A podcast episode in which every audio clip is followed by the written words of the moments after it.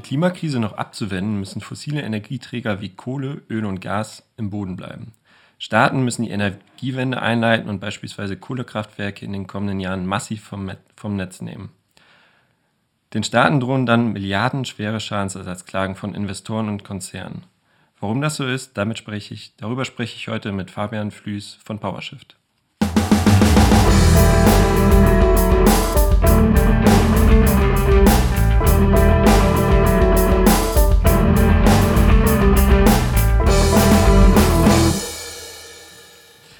Herzlich willkommen zu Kompass Weltwirtschaft. Ich bin Nico Beckert, Pressereferent bei der Berliner NGO PowerShift. Wir arbeiten für eine ökologisch und sozial gerechte Weltwirtschaft. Fabian, schön, dass du den Weg in unser Tonstudio gefunden hast. Freut mich.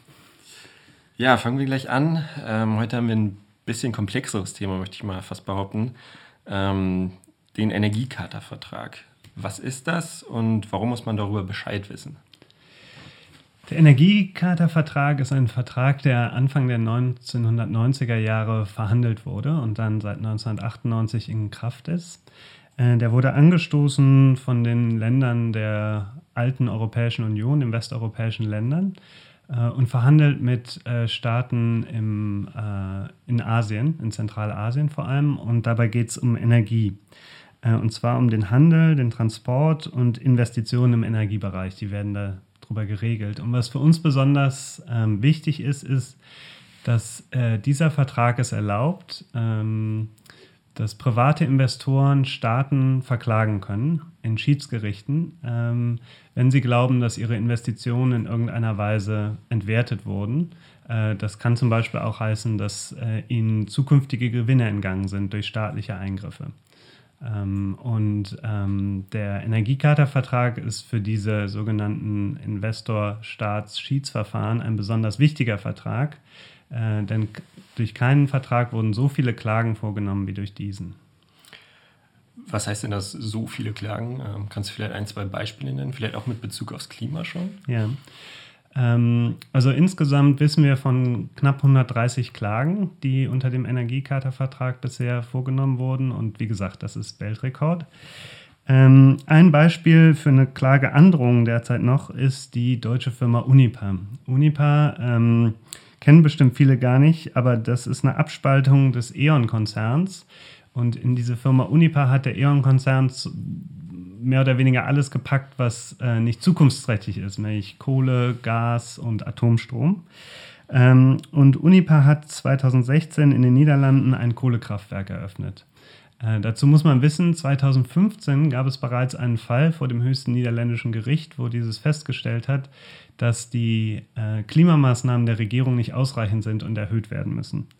Äh, aufgrund dieses Gerichtsurteils haben dann die Niederlande beschlossen, ab 2030 keine Kohle mehr zu verstromen.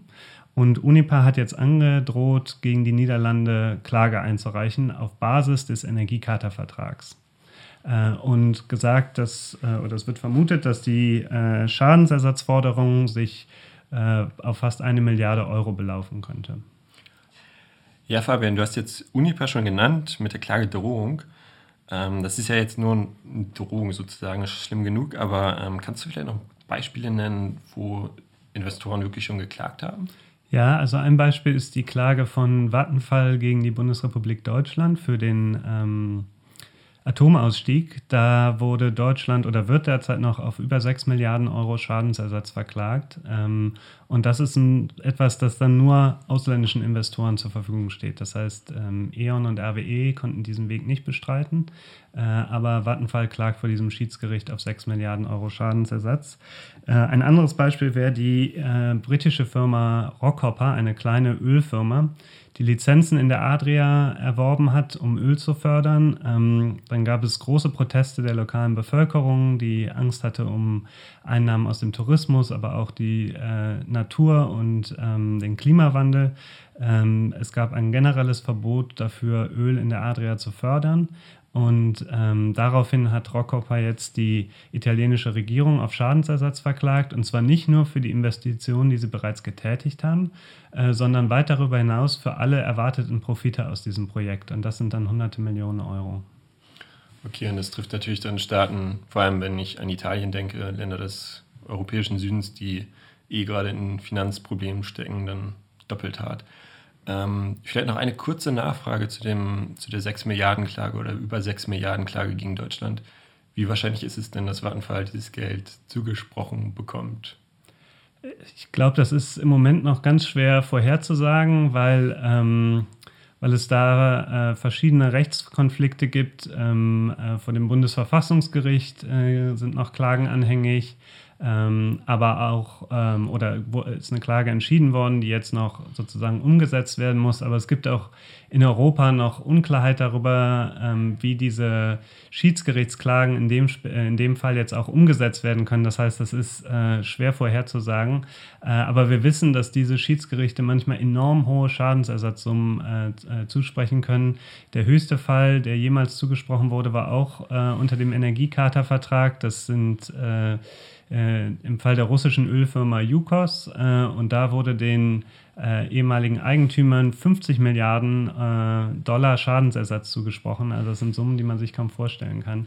Das heißt, da, äh, nach oben gibt es da kein, keine Begrenzung. Diese Schadensersatzklagen können Summen erreichen, die man sich sonst eigentlich nicht so vorstellen kann und die auch im, im ordentlichen Gerichten eigentlich so nicht zugesprochen werden. Ja. Okay, dann lass uns doch nochmal zurückgehen zur, zur Klimafrage und uns das nochmal kurz re rekapitulieren lassen. Ähm, wenn ich mir jetzt zum Beispiel den Green Deal oder anderes angucke oder die Klimagesetze in Deutschland, dann wird jetzt so langsam zaghaft versucht, ähm, ja, was gegen den Klimawandel zu tun, noch viel zu zaghaft. Ähm, ich frage mich jetzt, wenn die Staaten oder wenn der Klimawandel jetzt so weit kommt, dass wir noch näher an die Kipppunkte kommen und die Staaten dann wirklich dringender etwas machen müssen. Ähm, wie können Investoren den Energiekartervertrag dann noch weiter nutzen? Hm. Also das ist wirklich unsere große Angst beim Energiekartervertrag, dass in der Zukunft, wenn wirkliche Klimapolitik gemacht wird, eine Klagewelle droht. Du hast ja schon am Anfang erwähnt, ein Großteil der Öl-, Gas- und Kohlereserven äh, muss im Boden bleiben. Es gibt Berechnungen, dass das 80 Prozent der Reserven sind, die in den Büchern der großen fossilen Unternehmen stehen. Ähm, und das Gleiche gilt natürlich auch für die weitere Infrastruktur. Ähm, auch wenn wir in Europa jetzt äh, keine großen äh, Öl- oder Gasvorkommen haben, haben wir trotzdem die ganze Infrastruktur, die Netze, die Terminals und so weiter. Ähm, und die werden sich nicht voll amortisieren können, wenn wir wirkliche Klimapolitik machen. Ähm, jetzt könnte man darauf hoffen, dass der Markt das irgendwie über den Preis ganz alleine regelt, aber das ist unwahrscheinlich und das ist ja auch nicht die Art und Weise, wie wir Politik hier in Europa machen. Das heißt, ähm, der Staat wird dann äh, regulierend eingreifen müssen und dabei auch ganz klar Investitionen entwerten müssen. Und ähm, ein Beispiel dafür ist sicherlich die Gasinfrastruktur, die ja derzeit entgegen aller Vernunft noch weiter aufgebaut wird, ähm, wo zusätzlich investiert wird. Und diese Investitionen dürfen sich oder werden sich, wenn wir Klimapolitik ernst nehmen, nicht lohnen. Ähm, dann gibt es natürlich zwei Möglichkeiten für Regierungen damit umzugehen. Die Bundesregierung hat das vorgemacht, beim Kohlekompromiss den Kohlekonzernen einfach Geld hinterherzuschmeißen. Ähm, das kann man mal im Einzelfall machen, aber auf Dauer äh, ist das finanziell nicht tragbar äh, und natürlich sowieso sozial ungerecht. Und ähm, das, äh, der Energiecharta-Vertrag ermöglicht es dann den fossilen Unternehmen, egal in welchem Bereich, ob in der Förderung oder in der Verteilung ähm, von fossiler Energie, ähm, wenn dann die gesetzlichen Maßnahmen kommen, äh, sehr hohe Schadensersatzforderungen zu stellen. Und dann gibt es sozusagen zwei Möglichkeiten, wie Staaten darauf reagieren können. Zum einen ähm, können sie es auf eine Klage ankommen lassen und dann möglicherweise Milliarden an solche Konzerne zahlen, Geld, das dann für andere wichtige Maßnahmen fehlt. Oder sie können sich von so einer Klagedrohung einschüchtern lassen ähm, und ihre Maßnahmen abschwächen oder zurücknehmen. Und ähm, da gibt es ein Beispiel für in Frankreich. Da sollte ein Gesetz erlassen werden, wo die Öl- und Gasförderung ähm, auslaufen sollte. Und ähm, eine Klageandrohung hat dann äh, dazu geführt, oder wir gehen davon aus, dass sie, auch diese Klageandrohung dazu geführt hat, ähm, dass dieses Gesetz dann abgeschwächt wurde und die Förderung noch weiter erlaubt wurde. Ja. Ähm, das ist dieser Chilling-Effekt, oder? Genau, das ähm, wird häufig ein englischer Begriff verwendet, Regulatory Chill oder regulatorischer Stillstand, dass ah, okay. der Angst vor, von Staaten, Bürokratien, äh, solche Forderungen auf sich zukommen zu sehen, ähm, dass die dazu führen, dass einfach nicht mehr reguliert wird. Ja. ja, und davor waren ja nicht nur NGOs wie wir, sondern zum Beispiel auch Joseph Stiglitz, der Wirtschaftsnobelpreisträger, ähm, hat das mehrmals jetzt schon angesprochen. Ähm, was ich mich jetzt auch frage, wenn Investoren so die Staatskasse einfach um hunderte Millionen oder gar Milliarden Summen erleichtern können, warum sind die Staaten dann überhaupt Mitglieder in solchen Abkommen? Also klar, es gab mal einen guten Sinn und Zweck dieser Abkommen, aber warum ist man jetzt noch Mitglied? Ja, also der gute Sinn und Zweck dieser Abkommen war ursprünglich natürlich vor allem europäische Investitionen, europäische Unternehmen im Ausland abzusichern sozusagen ähm, über internationales Recht und damit sozusagen die äh, Gewinne unserer, unserer, in Anführungszeichen, Unternehmen äh, gegen ausländische Regierungen zu beschützen. Äh, und im Energiecharta-Vertrag ist das auch ganz explizit so. Damit sollten Investitionen vor allem im Öl- und Gasbereich, ähm, am Kaspischen Meer unter anderem, ähm, abgesichert werden gegen mögliche Regierungsänderungen oder Verstaatlichungsversuche.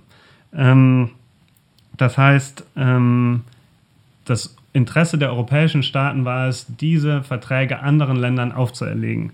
Ähm, Jetzt sind zwei Dinge passiert. Zum einen haben ähm, große Anwaltskanzleien diese Verfahren als Goldgruben entdeckt. Denn nicht nur die Unternehmen können Milliarden äh, damit äh, einklagen, sondern diese großen Kanzleien, die können Millionen oder Dutzende Millionen an Anwaltsgebühren äh, damit einnehmen. Das sind äußerst lukrative Verfahren. Das heißt, die werden aus der Richtung immer weiter angeschoben. Äh, zum anderen äh, hat sich dieses System ähm, sozusagen auch dahingehend verselbstständigt, dass immer mehr europäische Staaten verklagt werden. Äh, viele der Fälle, die es unter der Energiecharta äh, ähm, gibt, fallen inzwischen gegen europäische oder Mitgliedstaaten der EU an. Ähm, und deshalb gibt es auch immer mehr Proteste hier gegen dieses System. Und es gab auch ähm, Mini-Reformen bereits, die die EU-Kommission ähm, äh, angeschoben hat, aber gleichzeitig auch immer weiterhin versucht, dieses System auszuweiten. Das ist so eine Doppelbewegung, die sie machen. Äh, und auch beim Energiecharta-Vertrag ist es so, dass der jetzt reformiert werden soll. Aber unsere Hoffnung, dass es ernsthafte Reformen gibt, gehen praktisch gegen Null. Das heißt, es gibt so eine gewisse äh, Annahme oder Erkenntnis, dass es da ein Problem gibt, aber die Lösungen, die vorgeschlagen werden dafür, sind äh, absolut unzureichend. Ja, und gleichzeitig soll der Energiecharta-Vertrag ja sogar noch ausgeweitet werden. Also anstatt dass die Länder wirklich mal austreten, wie es ja einige Länder schon gemacht haben, da können wir gleich nochmal drauf eingehen, soll der Vertrag jetzt auf weitere Weltregionen ausgeweitet werden. Ähm, wie sehen da die Pläne aus und von wem werden die vorangetrieben? Genau, also ähm, es gibt einen äh, massiven äh, Versuch, diesen Energiecharta-Vertrag äh, auszuweiten, immer weitere Länder ähm, da reinzuholen und vor allem ähm, Schwellen- und äh, Entwicklungsländer, äh, was natürlich besonders problematisch ist. Denn diese Länder verfügen häufig nicht über die großen Bürokratien, die wir hier haben und über ähm, die, ähm, die, die, internen Mechanismen, die, solche, die auch wissen, mit solchen Klagen oder Klageandrohungen äh, umzugehen. Wenn die Bundesrepublik Deutschland auf 16 Milliarden Euro Schadensersatz verklagt wird, dann wäre das sicherlich schmerzhaft für den Haushalt, aber zu verkraften. Wenn wir uns das Gleiche vorstellen, einen der Länder, die jetzt prioritär in den Energiecharta-Vertrag aufgenommen werden sollen, wie Burundi, Mauretanien äh, oder Pakistan, äh, dann sieht das da schon ganz anders aus. Das heißt, es ist ein noch viel stärkeres Instrument für die großen Konzerne, äh, diese Länder dazu zu bewegen, zu tun, was sie wirklich wollen. Und genau, dieser Ausweitungsversuch, den sehen wir äh, vor allem in Afrika und in Asien. Ähm, ich kann noch ein paar weitere Länder nennen, Bangladesch, China, Gambia, Iran, Kenia, Marokko, Nigeria. Und bei einigen dieser Länder hört man schon, ähm, dass da auch sicherlich ähm, bestimmte ökonomische Interessen im Spiel sind. Nigeria mit den größten Ölvorkommen. Ähm, äh, in äh, China gibt es natürlich wahnsinnig hohe Investitionen. Äh, Tschad und Niger sind die Uranvorkommen. Das heißt, da ist auf jeden Fall sind auch wirtschaftliche Interessen im Spiel, die diesen Ausbau äh, vorantreiben. Ähm, was man dazu sagen muss, weil, die, weil der Energiecharta-Vertrag derzeit so sehr unter Druck steht, ähm, vor allem von der Zivilgesellschaft und weil es diese Reformbemühungen gibt, ähm, wurde der Ausweitungsprozess pausiert. Das heißt nicht, dass der zu Ende ist, der ist okay. auch nicht aufgehoben, sondern der soll erstmal verlangsamt werden und es werden erstmal keine neuen Länder aufgenommen, bevor diese Reformbemühungen nicht abgeschlossen sind. Aber wir können schwer davon ausgehen, dass auch dieses Energiecharta-Sekretariat, das sozusagen die Verwaltung dieses Vertrags übernimmt, äh, trotzdem weiterhin daran arbeitet, neue Länder aufzunehmen. Okay. Ähm, ja, und Ursula von der Leyen hat ja als EU-Kommissionspräsidentin jetzt mit viel Pomp und Elan ähm, einen Green Deal äh, angekündigt. Sie möchte ähm, Europa bis 2050 zum ersten klimaneutralen Kontinent machen. Und ja, diese Klimaziele sind eigentlich eines ihrer wichtigsten Vorhaben. Wie ist das jetzt alles mit dem äh, Energiecharta-Vertrag vereinbar? Also aus unserer Sicht überhaupt nicht. Äh, Sonderklagerechte für Unternehmen äh, schränken staatliche Handlungsfähigkeit an in einer Zeit, in der wir eigentlich einen besonders handlungsfähigen Staat brauchen, der diese großen Transformationen, die absolut nötig sind, vorantreibt und dabei nicht von äh, Verträgen wie dem Energievatervertrag, der eine äh, absolute Privilegierung der äh, Eigentumsinteressen von Investoren über allen anderen Interessen sieht, äh, äh, voranstellt.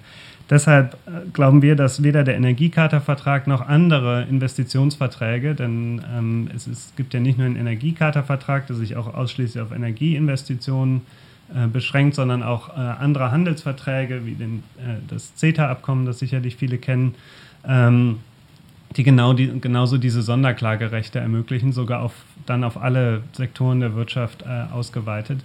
Und diese sind mit der Aufgabe, die vor uns liegt, einfach nicht kompatibel und ähm, sollten abgelehnt werden, solange sie noch nicht vereinbart werden oder gar nicht erst aufgenommen werden in neue Abkommen.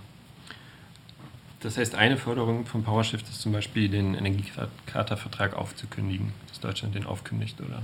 Genau, also Deutschland ist äh, Mitgliedsland im Energiecharta-Vertrag. Die Europäische Union als Institution ist auch Mitglied im Energiecharta-Vertrag, wird da auch gerade zum ersten Mal verklagt von Gazprom. Ähm, das heißt, äh, wir wollen sowohl, dass Deutschland als auch die äh, EU aus dem Energiecharta-Vertrag aussteigen. Ähm, eine Schwierigkeit wird sicherlich sein, dass, es, äh, dass dieser Vertrag eine Zombie-Klausel beinhaltet. Das bedeutet nämlich, dass ähm, selbst wenn man aus dem Vertrag aussteigt, der danach für 20 weitere Jahre Gültigkeit hat, ähm, da gucken derzeit Juristen noch da rein, wie man die umgehen oder abschwächen kann. Und da wird es auch Möglichkeiten geben. Das sollte uns in jedem Fall nicht daran hindern, so bald wie möglich auszusteigen, denn ähm, jetzt ist es eigentlich schon sehr spät dafür. Und ähm, wenn die Europäische Union in ihre Mitgliedstaaten aussteigen, dann ist das einfach ein Signal, äh, dass dieser Vertrag einfach keine Zukunft hat. Und Deutschland wäre jetzt auch nicht das erste Land, was aussteigt, oder? Genau, also Italien ähm, ist bereits ausgestiegen. Wir haben gehört, äh, Italien wird trotzdem weiterhin unter diesem Vertrag verklagt. Ähm, aber genau, der erste Schritt ist gemacht und ähm, eigentlich ähm, haben wir noch keine überzeugenden Gründe gehört, warum dieser Vertrag, wofür der eigentlich gut sein soll und warum der weiter bestehen sollte. Das heißt, ähm, wir werden auch weiterhin darauf drängen, dass äh, Deutschland und auch die EU aus dem Vertrag aussteigen. Ja, vielen Dank, Fabian. Das waren jetzt echt schon geballte Informationen. Aber ähm, für alle, die das nochmal nachlesen wollen, haben wir auch ein Factsheet geschrieben, ein achtseitiges, dem Titel ähm, Stolperfalle für den Klimaschutz, wie der Energiecharta-Vertrag ambitionierte Klimapolitik gefährdet. Das findet sich auf power-shift-de. Äh, ja, und ich würde sagen, vielen Dank nochmal, Fabian, und an unsere Zuhörerinnen. Hört bald mal wieder rein. Ja, danke dir, Nico.